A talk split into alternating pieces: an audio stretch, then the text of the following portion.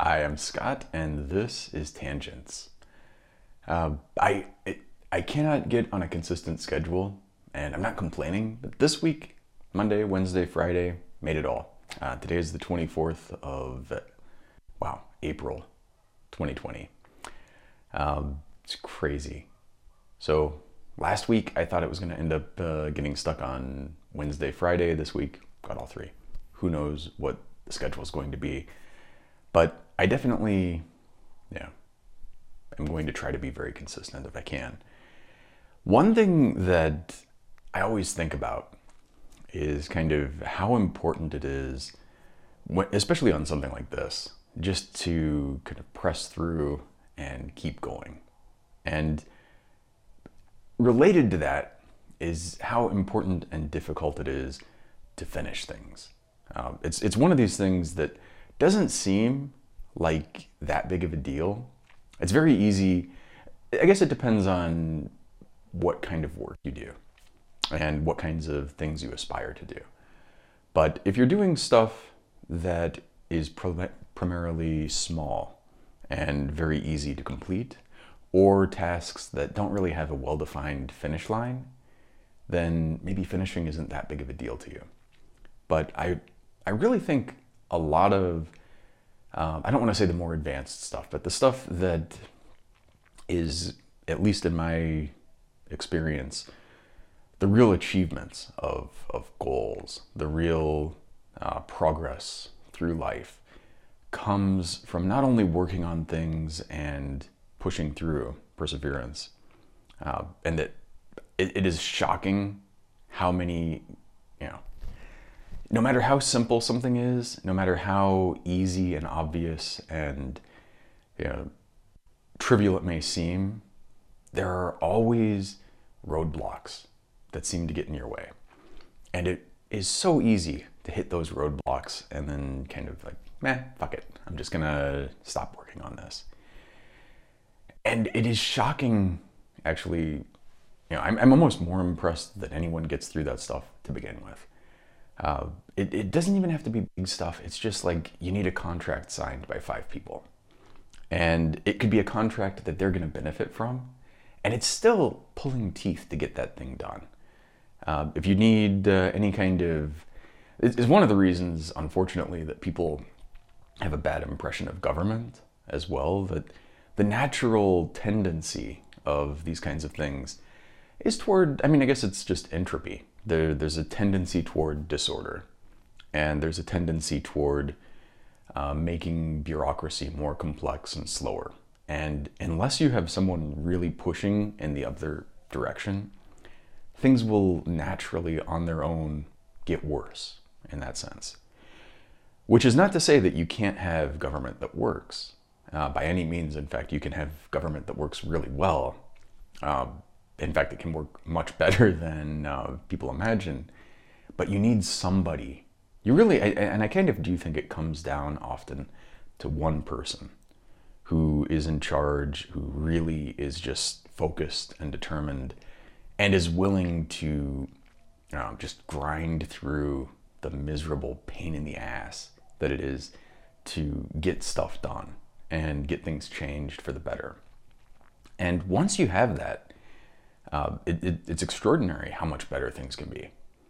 You know, and, and it's extraordinary also if you have people who are just content with the status quo, that things will just, even if they're miserable for everyone, even if they suck objectively, they won't get better because that's just the default position for everyone. Um, I, I, have a lot of examples like running through my mind of this. Uh, the motor vehicle division versus DMV. Um, you know, it, it is shocking how bad uh, the DMV in California is. I was, I lived there for a couple years in LA, and I almost got a California driver's license, but it was so miserable and so painful to like try to go through the process that I finally just gave up, said fuck it, and stuck with my Arizona license. I shouldn't have. I wasn't supposed to do that, you know, and I'm back in Arizona now, so it's not. But it it was so fucking like it, it took me more than you know a morning, going there, and ended up having to go back home a couple of times to get different documentation uh, that they didn't, you know, it was not very clear what I needed, and they didn't accept my Arizona license, so I had to go back and get my passport, and then there was something else I had to get after that. I don't even remember what. And then at the the second pass of this, I was like, "Fuck it," and just gave up. Um, versus in Arizona, and I, I, I'm hesitant to say that anything in Arizona, especially dealing with government, is great. But the the I always want to fuck this up. Every place else it's DMV. Here we call it MVD. But the MVD here, Motor Vehicle Division, is actually not that bad.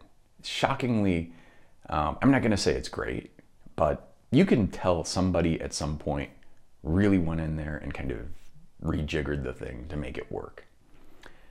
So it is extraordinary how many examples there are of this, though. Like uh, the, the the worst one that I reg- pretty regularly interact with is the Corporation Commission, and it's one of these things where um, if you if you do it once, then things are extraordinarily difficult and frustrating.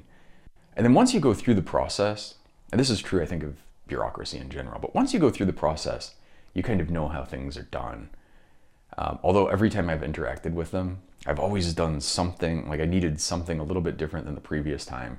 So I got through all the stuff that I did previously and figured out, and then I got to some other stumbling block.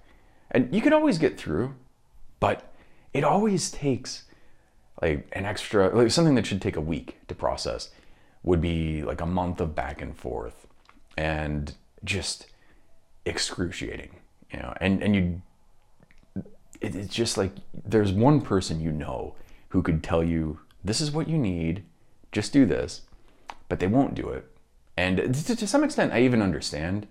Like the people who are collecting all of the documentation at the Corporation Commission, uh, they're not supposed to practice law. They're not. Uh, they're just people collecting it, uh, and they don't want to have the liability of having somebody there who's responsible for this stuff. But in avoiding any responsibility and any liability, uh, they've made it a million times more difficult than it needs to be. Not only, not only that, I mean, it could be a lot easier independent of that, but it's just, it's frustrating to go through.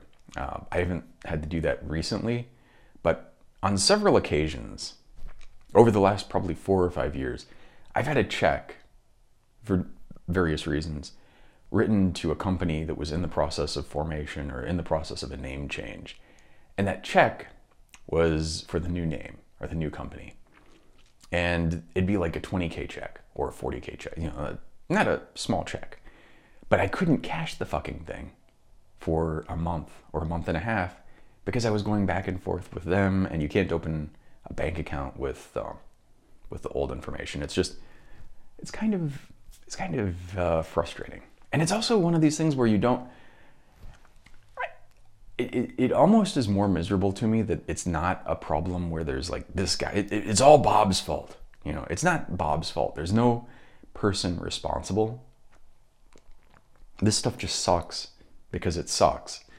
And you'll interact with a bunch of people, and the people you're interacting with, they're not responsible. I mean, you could, if you want, and people surely, surely yell at them all the time but it doesn't produce anything. It doesn't help anything. And they're not the ones, they're like, they're not the reason things are so fucked up. So you keep interacting with people and it just makes, I mean, it's, it's almost, I, I described in a previous one of these, how when you're walking in the street in Paris, um, which is one of my favorite things to do, just honestly. But if you're doing it, you will encounter people who basically go out of their way to get into your way in bureaucracy, you're not necessarily doing that. It's it's all people that are just kind of doing their job, and their job is not streamlined. They're not able to uh, easily address certain things. They're not even able, not even able to give you advice. In in the case of the Corporation Commission, not that I want to keep picking on them, but it's it's interesting and uh, problematic. And the thing that is interesting about this as well, um, in a couple years ago, a guy named Adrian Fontes, uh, saw that we had ridiculous lines for um, for polling places, and the people who were in charge of polling, of voting, uh, closed a bunch of places and did a bunch of shit that was predictably ended badly. And so this guy ran for county recorder. Now, first off, he figured out who's responsible. And then he found, oh, it's an elected official, the county recorder. Uh, he ran for that office. He got in. And he actually made things a lot better. And it's, he's an interesting guy to listen to because he'll tell the story of how, like, when he got there, first off, you have any kind of organization like this, you have a bunch of people who are a little bit jaded. Like, they've had people, they've always had people say, you know, like, I want to help. And then when it push comes to shove, they wouldn't follow through. So you have to get past that. But they also all have good idea. Like they understand what's going on. They understand where the problems are. They understand how to fix them, or at least they have some pretty good ideas about it. And so he, he would say, you know, you just go and you talk to people. And first, of course, you have to build their trust and show them that you're actually, you're not just talking, you're actually going to follow through. But once you do it, you can improve these things dramatically. And it's not, I'm not saying that it's easy. Definitely not easy. It's got to be painful and frustrating. And you have people push back for the status quo no matter what. Like I, years and years ago, I was at ASU and I was a research scientist. And as a research scientist, they have this really cool thing for faculty and staff that if you are faculty and staff at ASU, you pay like 50 bucks in fees, something nominal. I don't know if that's what it was, but something just completely nominal. And then you can take classes. It's really awesome, actually. But at the time, in order to do it, you had to fill out a form and then physically take it to, I don't know, the, uh, I don't even remember which office. I'm not even going to venture to guess. The registrar, maybe, but uh, who knows? Whatever it was, take it someplace, and then everything would kind of go through the system. And I saw this and I was like, you guys have online registration. Why not just have an online form? Or, I mean, do one of two things have an online form or have something where it's just automatic or you know, something. And so I wanted to change this. And in order to do it, like it seems like an easy, trivial thing. But in order to do it, I ended up like, first off, you get resistance from people. Like you start talking about this, and then people will push back for the status quo even if the status quo is obviously bad. It's it's painful. It's an important lesson, I think, but it it's fucking painful and frustrating because you're sitting there like this sucks. It could be so much better. Why don't we make it better? And then you get people who are sitting there like, no, no, it's great. We don't want to fuck with things. Um, and and it's just it, like what the fuck, people? What the fuck? What the actual fuck? And so you get those people and I think any any organization you're going to have a shocking number of them. And maybe I'm not saying that they're bad people either. They're probably they've had experience with people monkeying with stuff and then making things worse. Uh, so they're probably not coming from a terrible place, but they're definitely pushing back against progress. And so I, I was pushing through this, and it literally took me like a I thought it would be like oh I talked to the right people fix it over fix it in a month or a few weeks it took like a year of back and forth I don't know how many fucking meetings with I don't know how many fucking people and the whole time like it was not at all clear anything was going to get changed to be honest I don't know what they finally changed or what the current status is because I at the end of it I remember it was kind of a pyrrhic victory and I was like you know, what the fuck was the point of this? That was actually one of the things that prompted me to um, to leave ASU because I spent like you know, this little nothing thing took like a year of pain and frustration. In the end, it wasn't as good as it could have been. And you start realizing like this is if you're going to be in an organization like that um, and you're going to do stuff, that's your life essentially. Now, to be fair, it's not like it does have its advantages. Once you fix something, anyone who wants to change it now has to deal with the same bullshit. So in order to fuck it up again, it's actually painful. There's the, now the status quo is an improvement. So if you do go through that small hell and you get some, you get something done, uh, it does help. It, you're in a better position. But um, it's it's still frustrating. And so after that, I years later decided to, to run for Congress because that was you know, a totally different situation.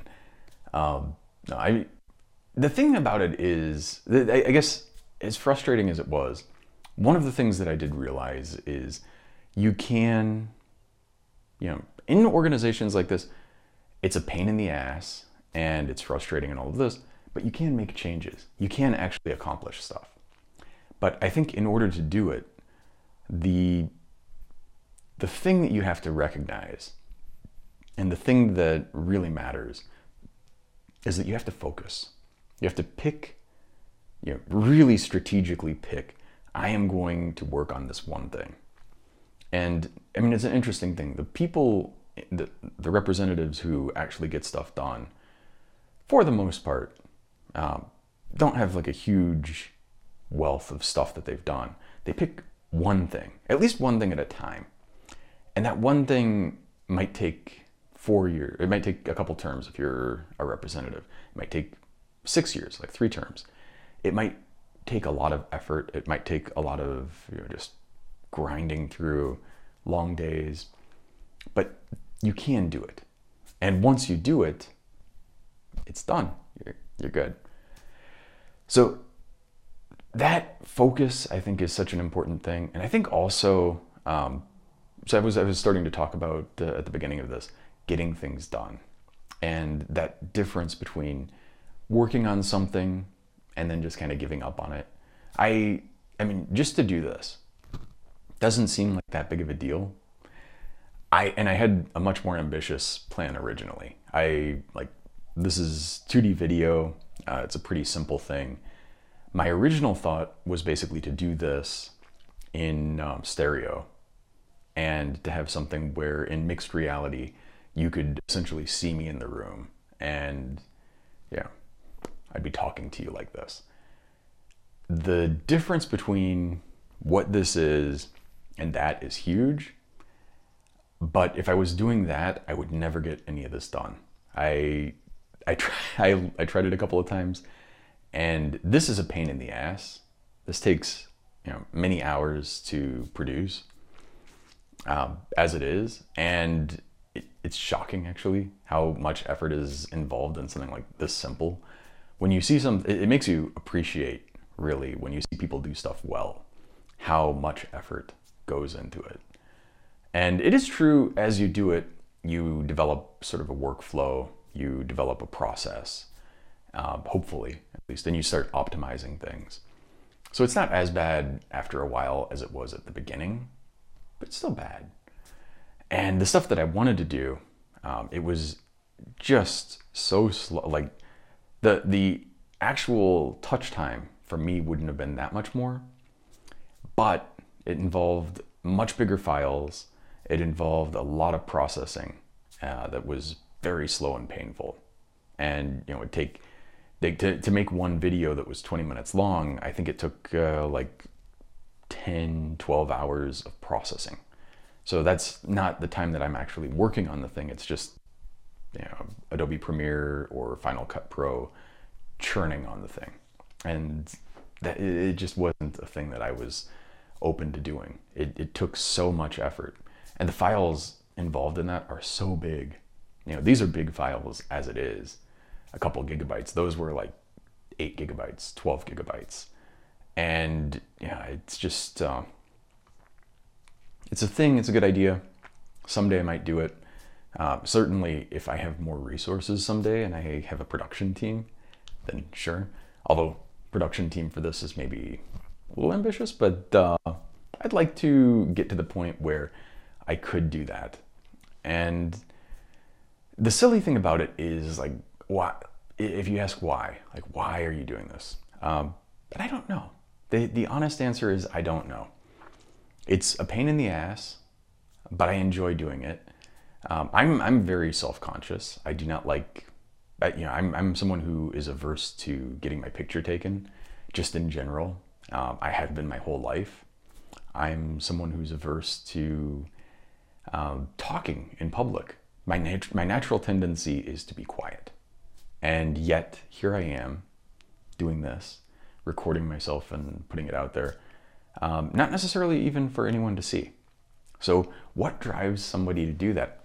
I don't know. I wish I knew because the motivation that I have to do this, um, and especially like, again, I'm not trying to blow smoke up my own ass, but the amount of effort that it takes to do this is ridiculous. And then you think, why?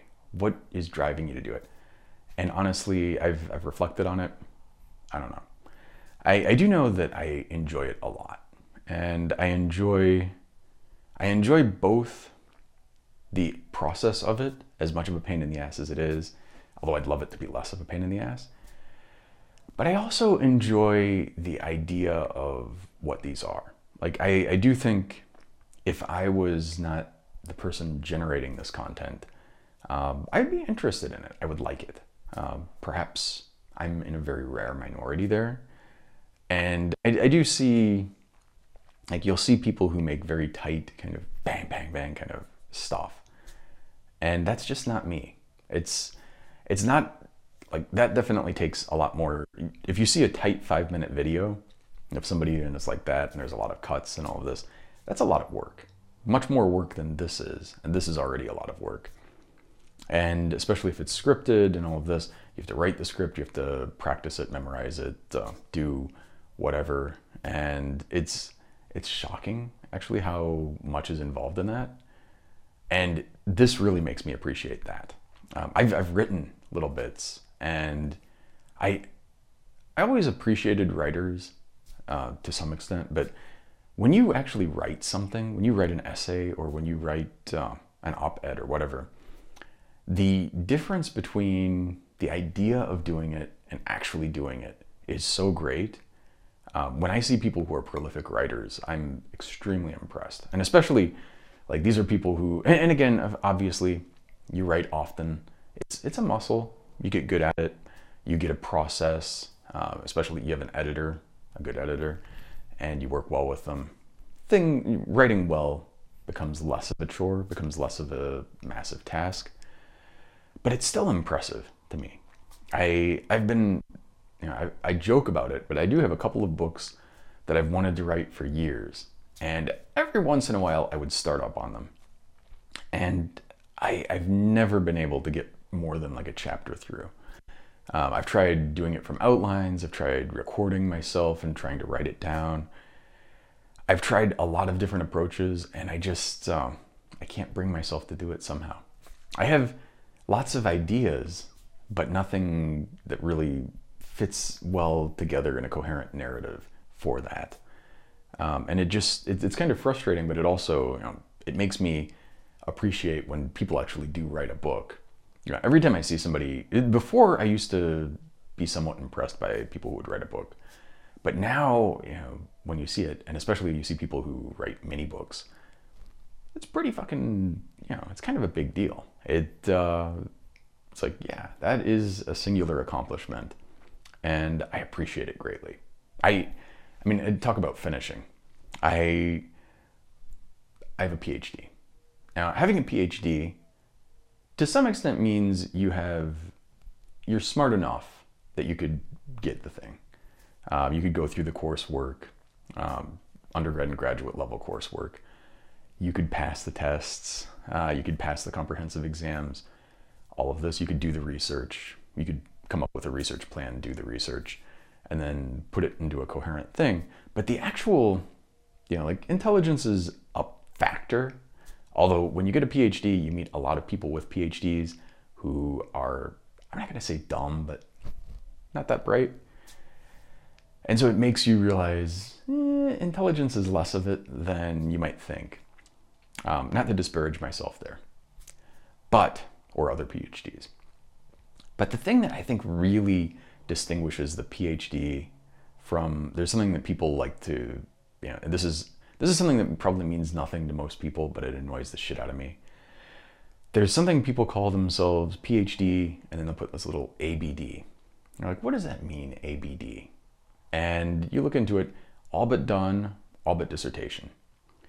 And the funny thing to me is, so these are people who started a PhD program, went through the coursework, um, so they've they have a master's degree essentially, um, or at least I would say you go through the PhD coursework. That is the equivalent of a master's degree.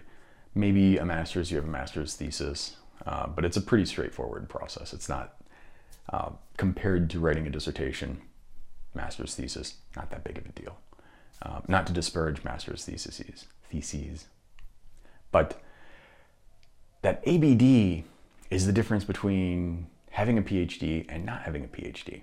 So whenever you see, whenever I see PhD ABD, I think A, this person doesn't have a PhD, and B, this person, and, and when I say that, I don't mean it in a disparaging way. I just mean you have not gone through the actual process, which is getting a PhD. Part of the process of that is going through all the research. It's fucking pain in the ass.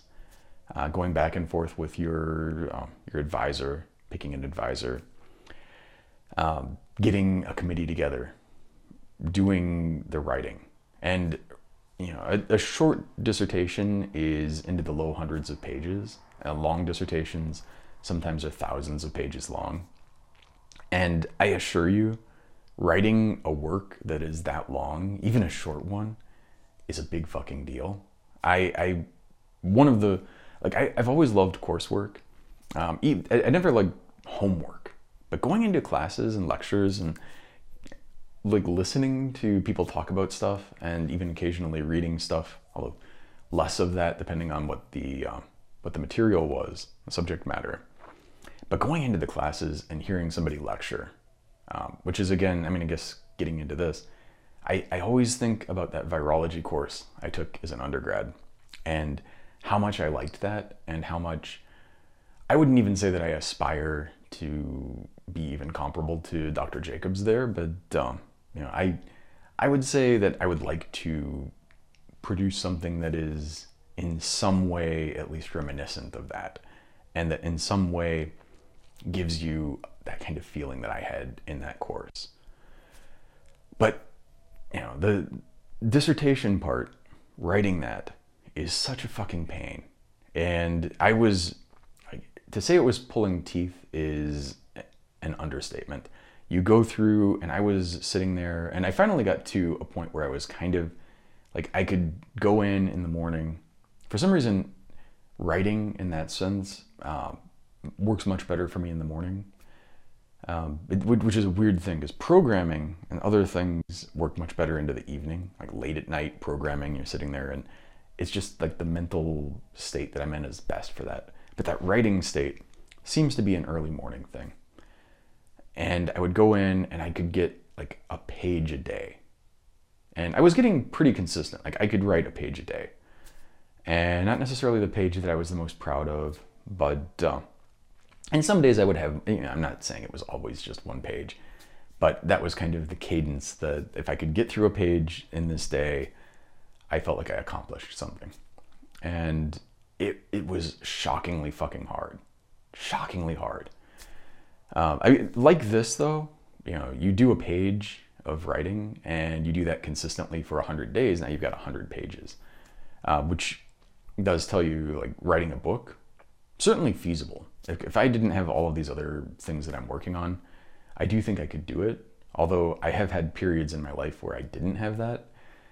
And uh, I, I, got through, I, when I was in France, I, I got through like a month of writing a page a day. Um, I got like a semi-solid chapter. Probably wouldn't be the thing that I would put in a final book. Um, I don't even know if I have it anymore on my computer is a stupid thing, but I'm sure I have it on a backup someplace, but I, I, I haven't found it recently. But writing that was fucking hard. Writing that dissertation and actually finishing the dissertation fucking pain in the ass. And then it's not only finishing the dissertation, but again with this bureaucracy stuff, like the number of times you have to go back and forth between the graduate, uh, I don't even remember what it is, the graduate student office or whatever, whatever they're called, and the registrar, and you get this page and this page, and you have to get it signed by the committee, and you have to go over here, and then you have to get the formatting approved, and do this, and then you have to schedule the defense, and uh, like there are just all of these little steps, and none of the steps are that big, and they all to complain about them seems kind of silly because it's like, oh, you had to you had to put together a committee. Well, everybody who does a PhD does it. You know, not a big deal, but at the same time, easy fucking thing, easy roadblock to just get stopped at. And if you're going through that PhD, you're just getting constantly thwacked in the head by. Uh, in, in, in Hitchhiker's Guide to the Galaxy, they go to this planet, and there are basically rakes that, like, if you walk at all and you think, rake comes up and hits you in the head. And it's basically like that. It's like you're trying to just do something that seems on paper like not that big of a deal, but there's always this fucking thing hitting you in the head, trying to get in your way. And believe me, I had so many times during this period, uh, this period and process where I was thinking about quitting, right, on the verge of quitting, to the to the extent that I've actually started to to decide that I don't think people are almost done with their PhD until they feel like quitting. The the people that this has been maybe a general weird observation, and I'm not saying it's universal, but very often people go through and they're fine, they're humming along, and you know if they if you ask me, are they done? Are they close to being done? Probably not. Like you know, it might suck, but they're not close. And then they get to this point where they're like, "Fuck, I want to quit." I'm like, "Ah, you're you're within a year or two of being done." Doesn't mean that you're close to being done, mind you. It's you know still a lot of time, but you're getting there. You're getting there. And the fact that that's the way it is, it sucks and it's stupid. But I think that's kind of how it goes for a lot of things. Um, it, it's an interesting thing. Like you can have an idea to do almost anything, and if it's something that's allowed within the laws of physics and even within the realm of engineering, it's something you could probably do. But to actually make it work is so much harder than to think about it. You, you can have a million ideas a minute, and I'm exaggerating obviously, but you can just idea, idea, idea. And they could all be good ideas. They could all be, you could think of Facebook in the 90s, uh, but probably didn't build Facebook. And know, when you think about all of this stuff, it's just, um, I don't know, that idea through the process of actually making it into something that you get to a conclusion on.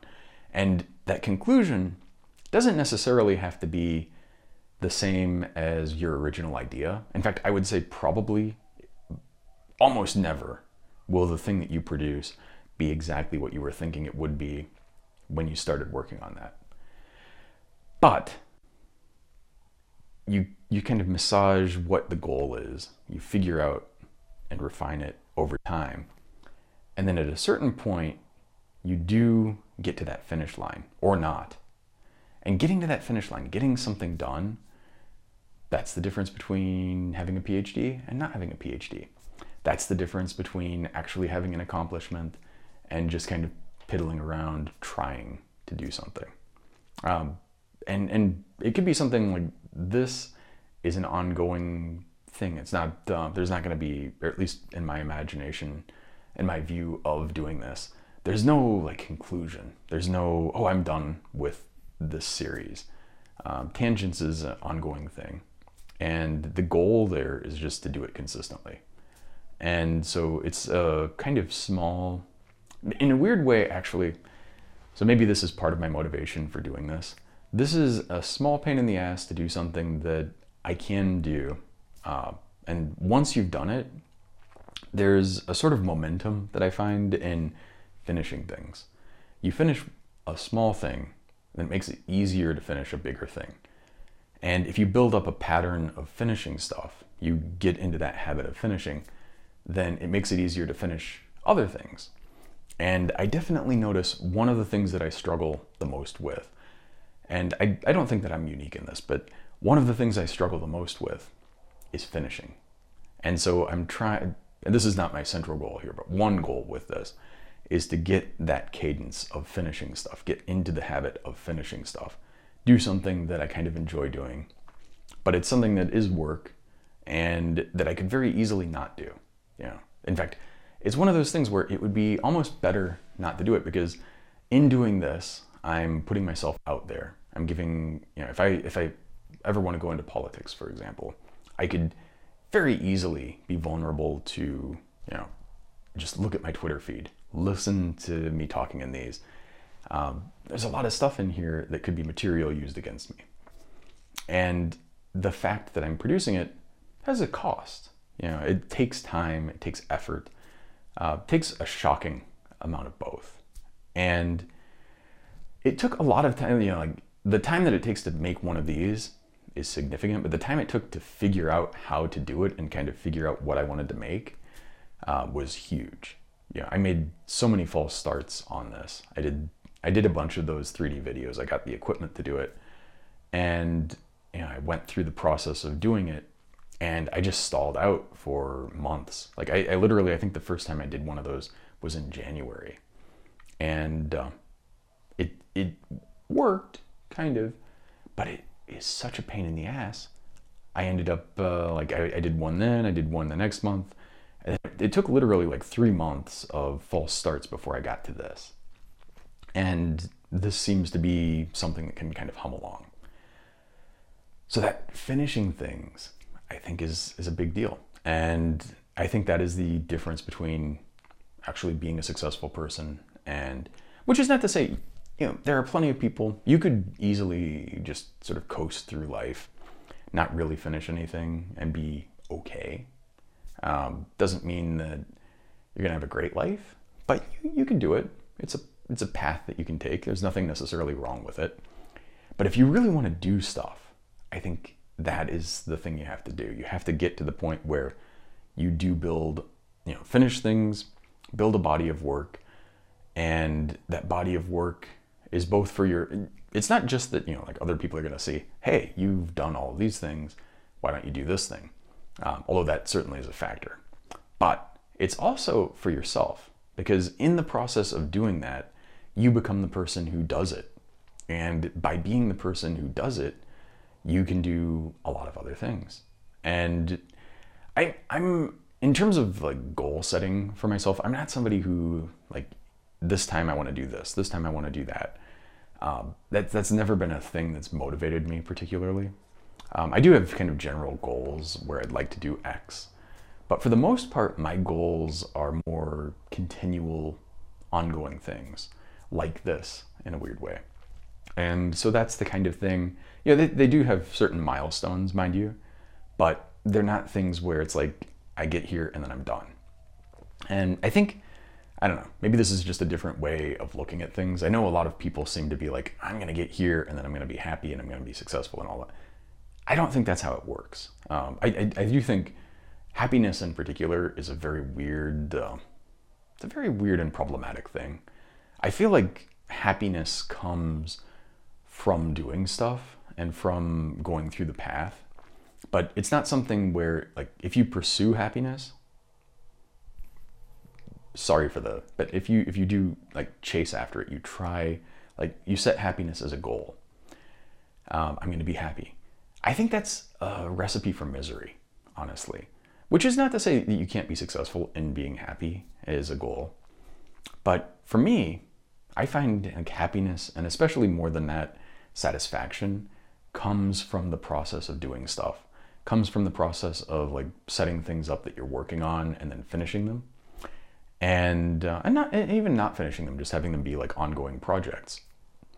And so, I don't know. I, I I know a lot of people who are miserable, and they have this idea like, oh, if I just do X, then I'll be happy. And I think part of the misery comes from that idea. Like, I, I think part of the misery comes from thinking, first off, even just this idea that you should be happy all the time. It's a kind of funny thing. Now, maybe maybe part of this is just my temperament is that I'm pretty content most of the time. But I've never really had an objective of being content or being happy. And the people that I see who seem to be the most miserable seem to have that as a goal, or that is like their goals are aimed at like if i accomplish this then i'll be content. Then i'll be happy. Then i'll be satisfied. And i don't think that's how it works. Uh, but it could also be like is it causation or is it correlation? Which one causes the other i don't know maybe the fact that i'm content means that i don't set goals that you know That's not, it, I, I'm pretty content, so I don't need to try to pursue happiness. I'm pretty happy, um, to be honest. Yeah. I'm not, uh, I, I've had bouts of depression, as I think is fairly common, but overall, I'm a pretty content person. And I think content is kind of where I tend to be. I'll, I'll go through highs and lows, um, maybe more highs than lows, but still, you know, fluctuate. But for the most part, I'm pretty even keeled. Um, the, the current political situation notwithstanding. Uh, man, I, I oh, this this fucking Trump guy. I, I, I cannot go through one of these without talking about politics a little bit. Um, the thing that I'm not even going to get into details. Um, yesterday in a press conference, he said something about uh, treating people infected with COVID 19 with uh, UV light, which incidentally is very bad for you and also doesn't penetrate for fuck. It, it, it gets like skin level UV light, unless you get it to the intensity of, you know, you're going to be vaporized.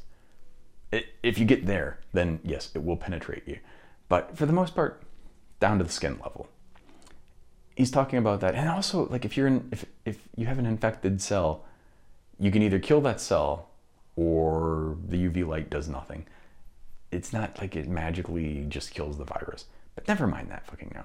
Talking about that. He's talking about like basically, you know, using disinfectants and antiseptics um, as a treatment, as a therapeutic. This, this guy is a fucking moron. Like I, I cannot I cannot get past how fucking stupid this motherfucker is. And the thing about it is he's I don't even know how old he is. He's like a 80ish, late 70s, early 80s, whatever. I don't even give a fuck. Whatever he is, he's made it through his whole fucking life. And you can just tell that he's never had like a moment of curiosity. Um, I, I, I don't think I'm not saying that never in his life has he ever done anything for somebody else, but I can't imagine it. Like maybe when he was a kid, or maybe incidentally, like once or twice.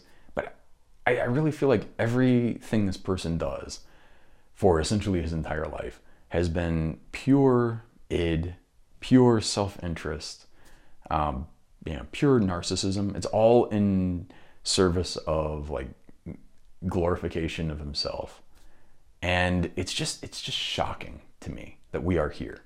It is shocking to me that people follow this motherfucker. 90% consistently, if you look at his approval, um, Gallup has a really nice thing where you can do president. It, I think you Google Gallup presidential approval tracker, and you can break it down by demographic. There are other things, but that's the one I use.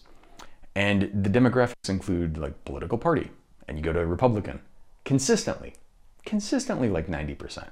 And it's shockingly just nothing fucking moves the needle on that one. It'll go up and it'll go down a little bit, basically stuck at 90%. You go to the 538 and they have a Trump approval tracker. That one unfortunately doesn't do it by demographic, but it's a nice aggregate model of a bunch of different polls. So I, I reasonably trust it. And you look at it and uh, uh, two things. One, it's not going down precipitously now, despite the fact that this whole fucking pandemic. Now, I'm not saying it's his fault, shit happens, but this could have been a pandemic where we had, you know, a few thousand people die, and we could have immediately jumped to quarantine and very quickly got testing and tracking in place, and then gotten back to kind of life as relatively normal.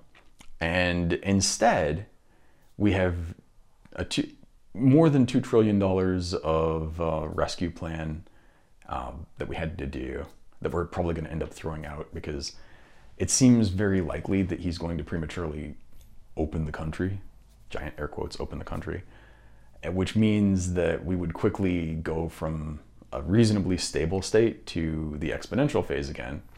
And then, you know, potentially, if, if you did that, like honestly, the worst scenario there would be effectively total infection of the country. Like everybody who's vulnerable to it, everybody who is susceptible gets infected.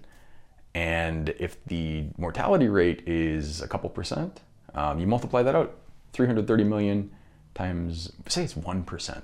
That's 3.3 million people. That's a lot of fucking people.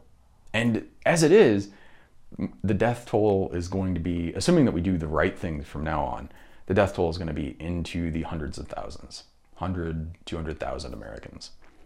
And that could have been thousands of people. And so you look at this and you look, this motherfucker is so goddamn dumb. He has, he has all the experts in the world. This, when he got inaugurated, like, this drove me fucking insane. He wouldn't go through the daily security briefings because they were too boring for him. You know, Obama, when he was president, and again, not my favorite guy, he has faults, but the contrast between these two could not be more ridiculous. Obama would, like, his morning was reading through the briefings and then going through and discussing this stuff and figuring out where we are, what are the plans, all of this stuff. And then Trump, I mean, he can't be bothered to look at a single page summary of this stuff. He has all the information in the world, literally at his fingertips. He has all the experts in the world at his fingertips. And this moron, this absolute fucking dunce, just stupid fucking asshole motherfucker, gets up there in front of the country and says just the stupidest shit. Like if, if your kid, if you had a kid, if I had a kid, if I had a kid and the kid was saying stuff like this, I would be just shocked and horrified and embarrassed by it. It's so goddamn dumb. And yet he does it without the slightest hint of shame. And then the thing that the thing that makes me want to scream, it makes me like it's it's bad enough that somebody's like this, but I can accept there are people like this. I'm sure there are many more people like him.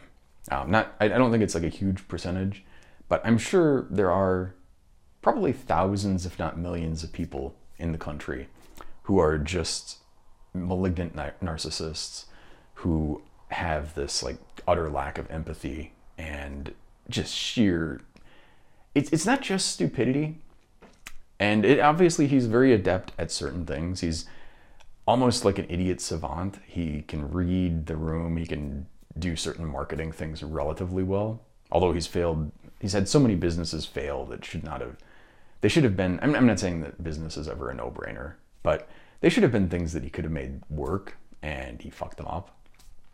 But so maybe he's not the greatest marketer, but somehow, somehow he's got this following. And again, going back to this 538 thing, you look at it over time, and the thing that's really horrifying is from about 2018 to the present, um, it's not a fast trend, but there's been this slow, slow uptick. You, I keep seeing these articles, which drive me fucking insane, saying, oh, he has record low approval. Because they'll, they'll cherry pick some poll and his approval in that poll is low. But when you look at the aggregate number over time, it's been slowly, it's been pretty consistent, first of all, shockingly consistent again, um, into the 40s. And there's been a slow uptick over time. And that is what actually horrifies me the most because people are getting used to this shit. They're becoming accustomed to it. And so, like, at first, you know, you throw the the frog in the hot water. It's like, ah! But at a certain point, you're kind of like, ah, this isn't so bad. You know, it's like, yeah, the building's on fire. I'm kind of used to it. It's not that big of a deal. The the president is a fucking moron of the highest degree. Eh, big deal. And and then you have a bunch of people coming up with this Trump derangement syndrome bullshit. It's like, okay, there are two possibilities here. One, I'm deranged and Trump is fine. And two, the guy is a fucking moron who has done like so many just like if I literally if I go through the list, I've said this before, but if I enumerated all the things that he has done, if I went through all of the things, the criminal things, the unethical things, the stupid things that he has done, you wouldn't think I was I would think I was making it up. It's just the list is so long and there are so many things on it where like this one thing would have ended any other presidency. And yet he rode it through without any big, you know, it's like, ah, big fucking deal. He's done things that make Nixon look like a saint, like the most reputable, honest person in the world. Um, and, and it's just, it, it's shocking to me. And so you have this thing, it's just like, so I'm freaking out about that. And then because I'm freaking out, oh, you're just deranged. No, motherfucker. the president is a fucking moron. And I mean, just a horrible person too. It, it I have nothing, you know, if, if somebody is mentally not all there, if they're, they have a cognitive deficit, I have no real malice toward them. I mean, you know, I'm sure many people, are not that smart, but they're nice. They're not fucking malignant assholes. And he is, you know. It's it's not just that he's stupid. He's too stupid to realize that he's stupid. He's so ignorant that he doesn't realize that he's ignorant. And I mean, it, like the idea, I'm I'm ashamed in this thing that like I, I realized after my last one, I said Bacillus subtilis, and I actually, you know, whoever's watching this, you probably don't know. That's just a pretty benign, not a big deal bacillus.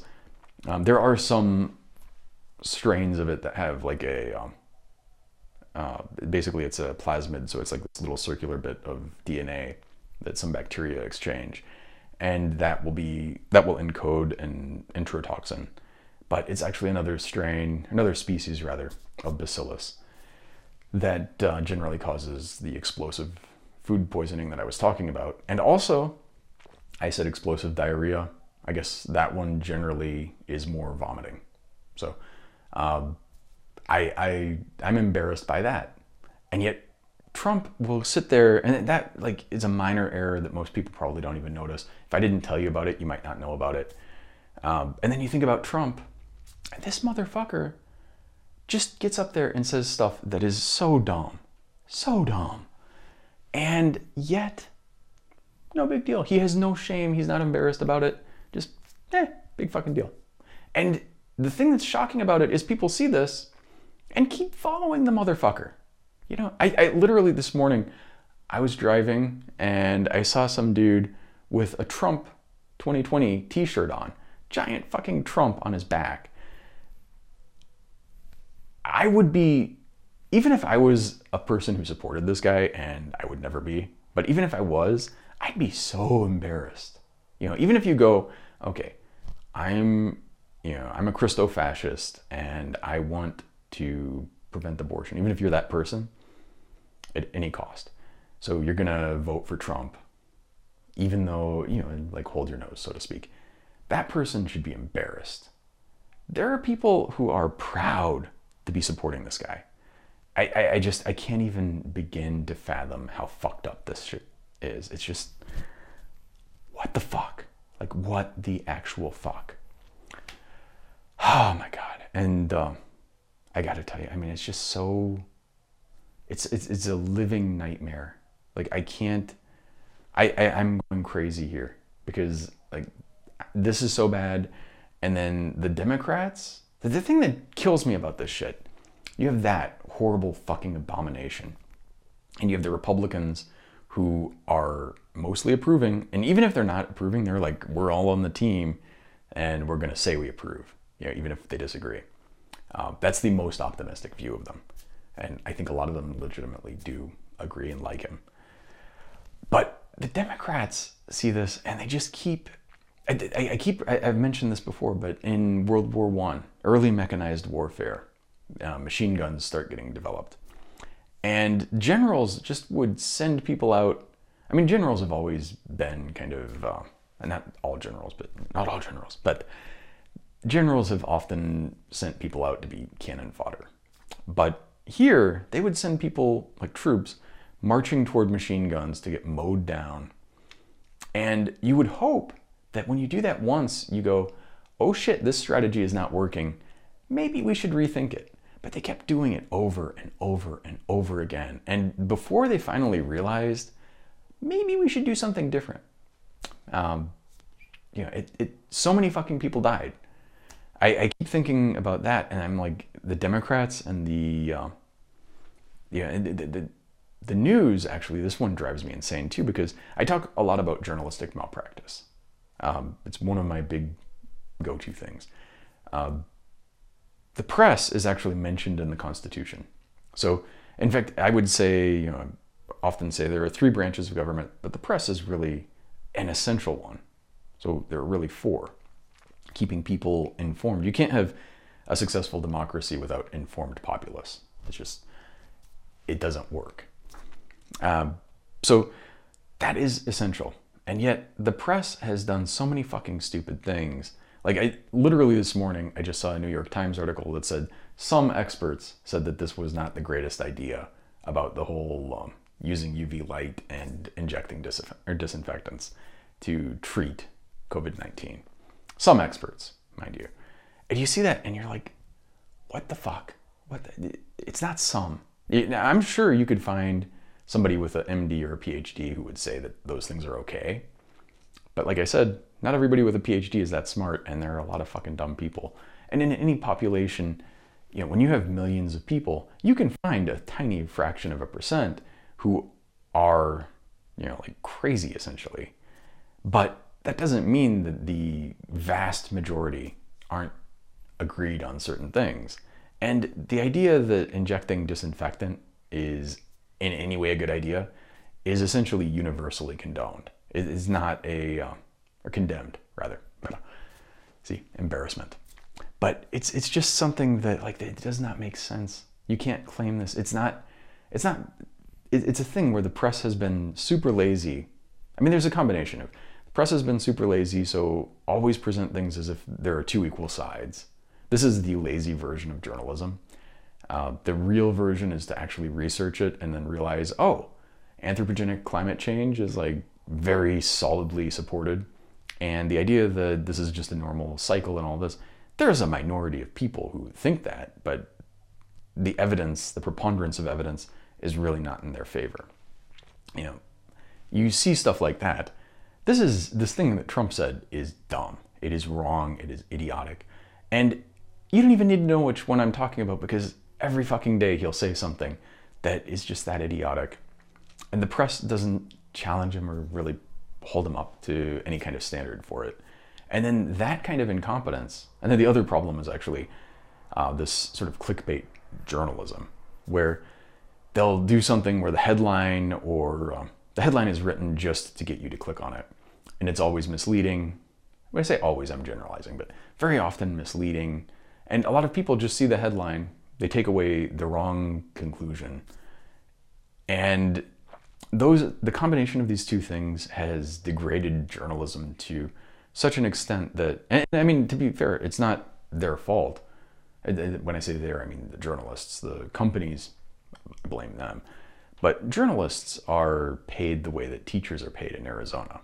So if you know anything about Arizona's, you know, what teachers are paid here, journalists generally fucked over, they don't get paid well. Uh, a lot of them are freelance, and then they're freelance, and then they have to like wait 90 days to get paid for some tiny little pittance, and even then they have to kind of fight to get paid. Um, it's just it's shit. It's not a fun thing. I, I have the utmost respect for actual journalists, but this clickbait shit and these the things that and I, I'm picking on the Times here, but it's it's a very ubiquitous problem. Um, this kind of stuff set the groundwork like literally set the stage for Trump to come in and do this fake news bullshit. Obviously, fake news is a, a terrible concept and it's just a way for him to dismiss reality. But there wasn't the problem with it. This is the problem with Joe Biden again. The problem isn't that there's necessarily truth to what he to what Trump is saying, but it's got enough of a purchase, enough of a grounding in reality that it it seems kind of truth-y, to use a Colbertism. Um, it, it seems kind of right. You know, it, it resonates in a way, and it should not resonate. Like the idea of fake news should not resonate at all. But there's enough there that it could take hold, and there's enough there that it's been able to, to grow into this horrible thing. And they keep doing it. They're the generals that keep, like, they never adapt I, am not saying never. I, obviously, I do think on a long enough time scale, hopefully, all the shit that Trump is doing will become, you know, something that won't work anymore. But it's taking a long fucking time to get there. Um, there there's a, I'm to screw up the name, but there, there's this example from virology of some rabbits were introduced to Australia, and um, I think it was the 1800s. I don't, I don't know long time ago, maybe even in the 1700s, late 1700s. But at one point in time, few rabbits introduced to Australia. I think it was because a rancher wanted to hunt them. Yeah. Seems like a good idea, right? Well, rabbits, turns out, reproduce like rabbits and became this huge pest because there's no natural predator. They don't have, you know, they haven't evolved in the ecosystem there. So they were an invasive species and just were wiping everything out.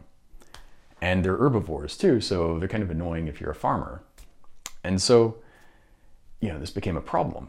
And people were shooting rabbits and trying to kill them.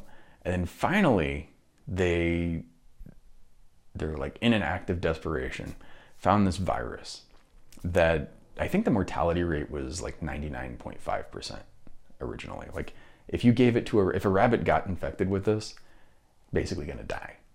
Tiny tiny fraction of a percent. Uh, let's even say it's just 99%, but most of them are going to die. Very few will survive. So they introduced this virus, and I think it was like Mixo. I'm not even gonna. I'm not even gonna try because I can't remember what it was. Um, it's embarrassing. Sorry, it's been a long time, and my name, my memory for names and this kind of stuff is not great. It never has been. But uh, whatever this virus is, they introduce it, and it just decimates the rabbit population. Very contagious, very very high morbidity, morbidity or mortality rate. Wipes them out, but not all of them. And over time, like the next year, rabbits uh, reproduce, they get infected, and it wipes out a lot of them, but not as many this time. And it goes through this process, and something like five years later, the population had already recovered, and the the virus, if you looked at it, was now much much less pathogenic. Uh, the morbidity and mortality from it was attenuated to the point where it was not that big of a deal for the rabbits. And also, the rabbits that survived were the rabbits that were adapted to it. They were either immune to it innately or they had a very minor kind of infection from it. And so you had this host and parasite selection that uh, ended up producing, you know, an, an accommodation.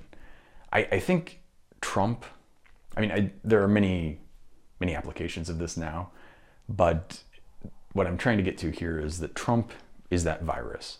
He's been introduced into a naive population. And when I say Trump, I mean, it's easy to focus on this guy. This is this is a thing that I think is important to remember.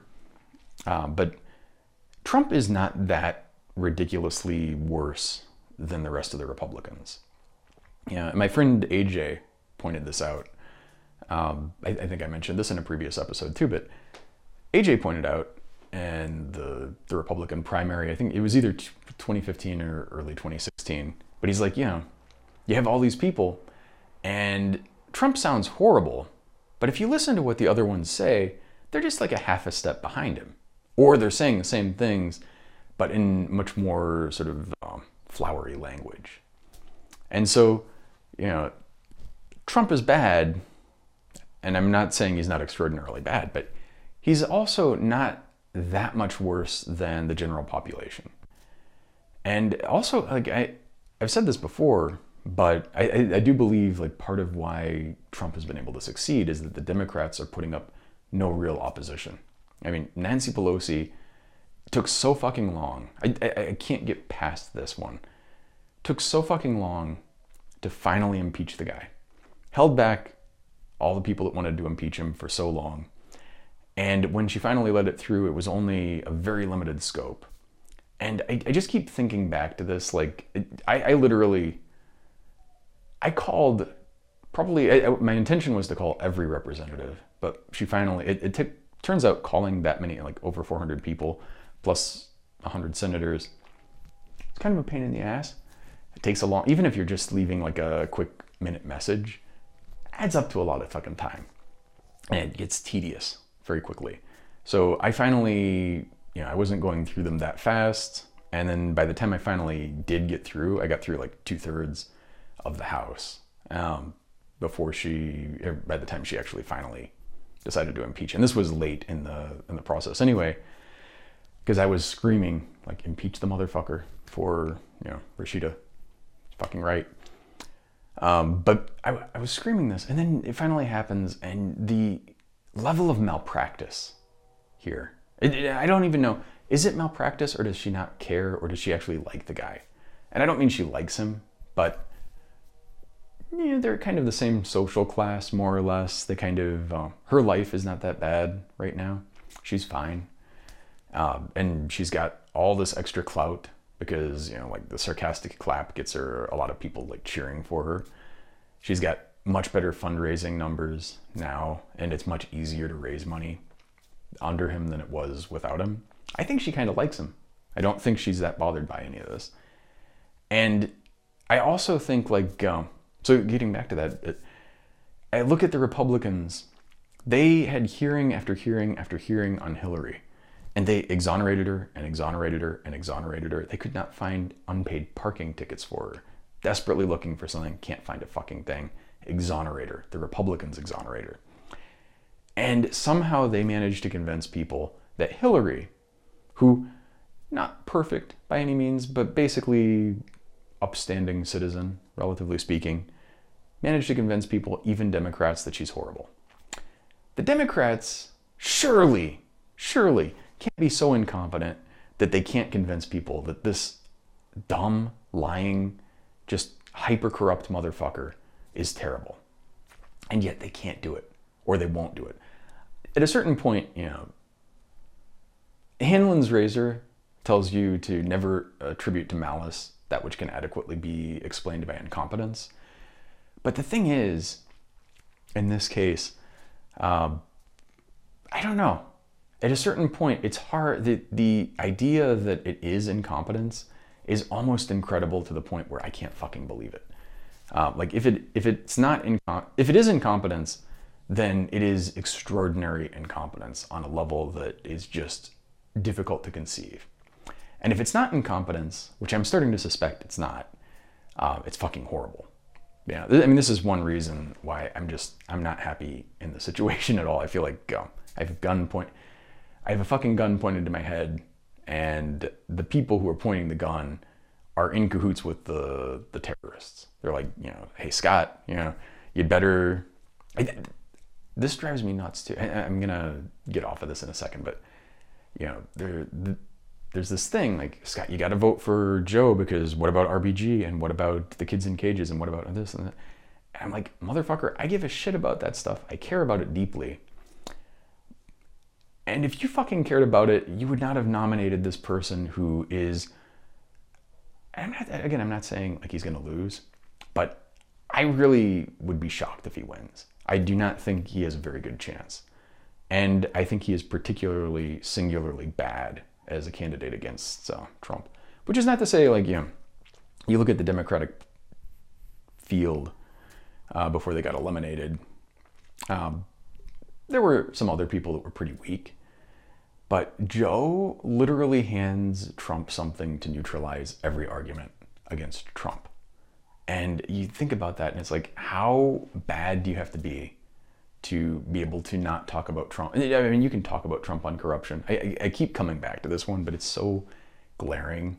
And when it finally comes to pass, that people start seeing it and you know, it's already in the right sides, um, you know, in their social media and all of this.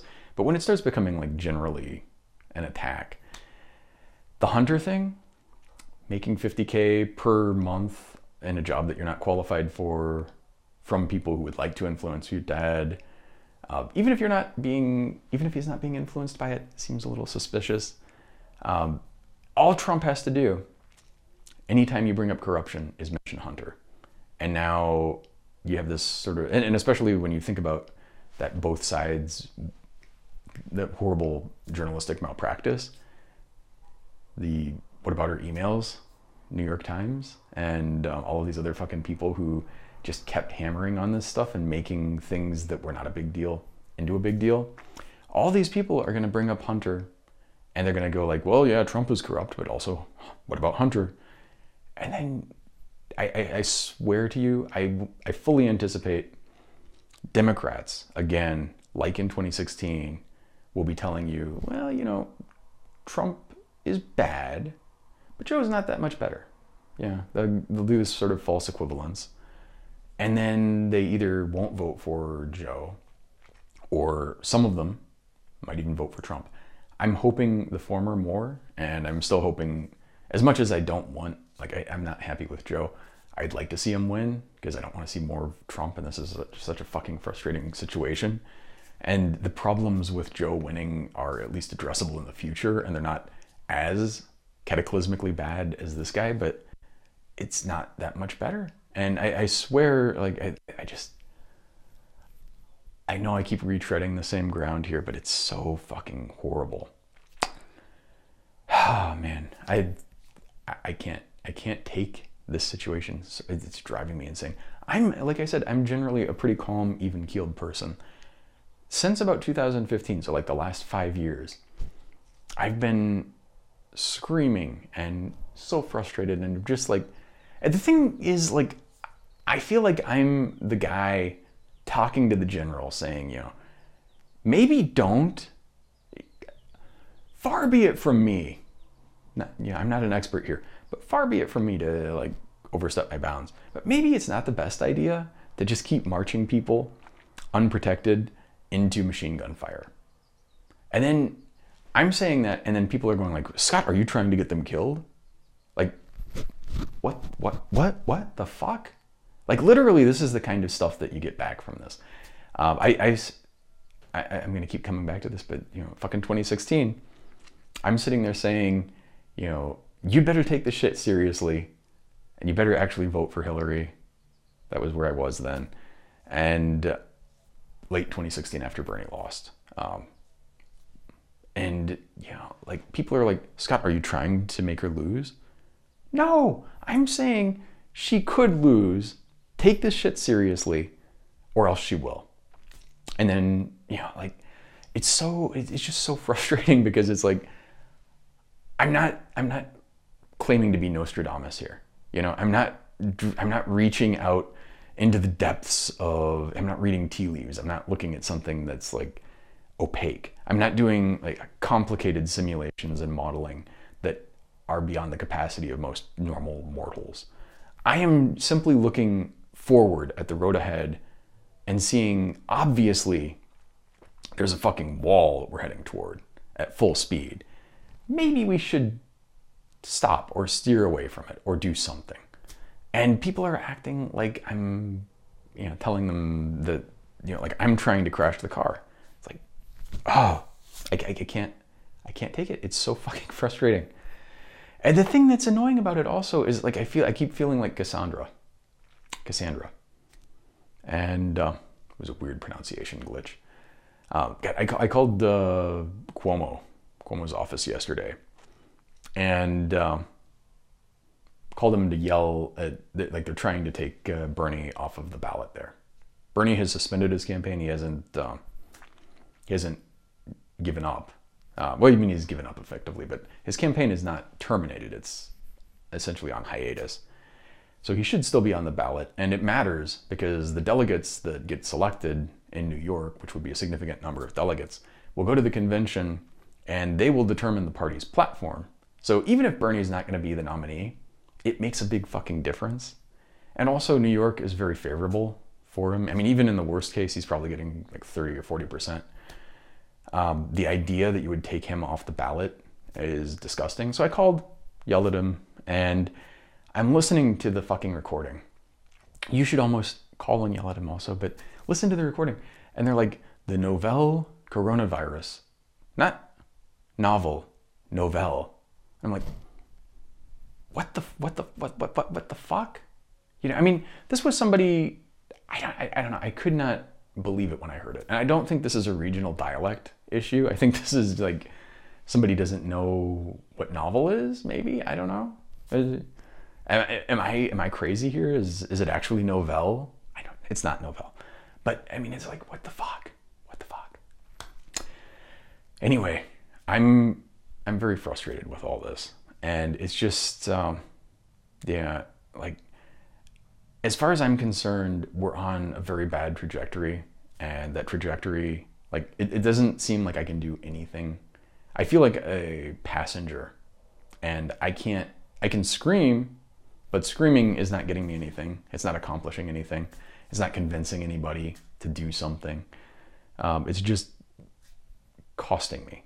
And it's like, well, what the fuck am I supposed to do? I don't even know. I honestly don't know. I'm sitting here along for the ride, trying to keep us from going over the fucking cliff and getting, you know, blamed and derided for it. So it, it it's frustrating. That's all I can say.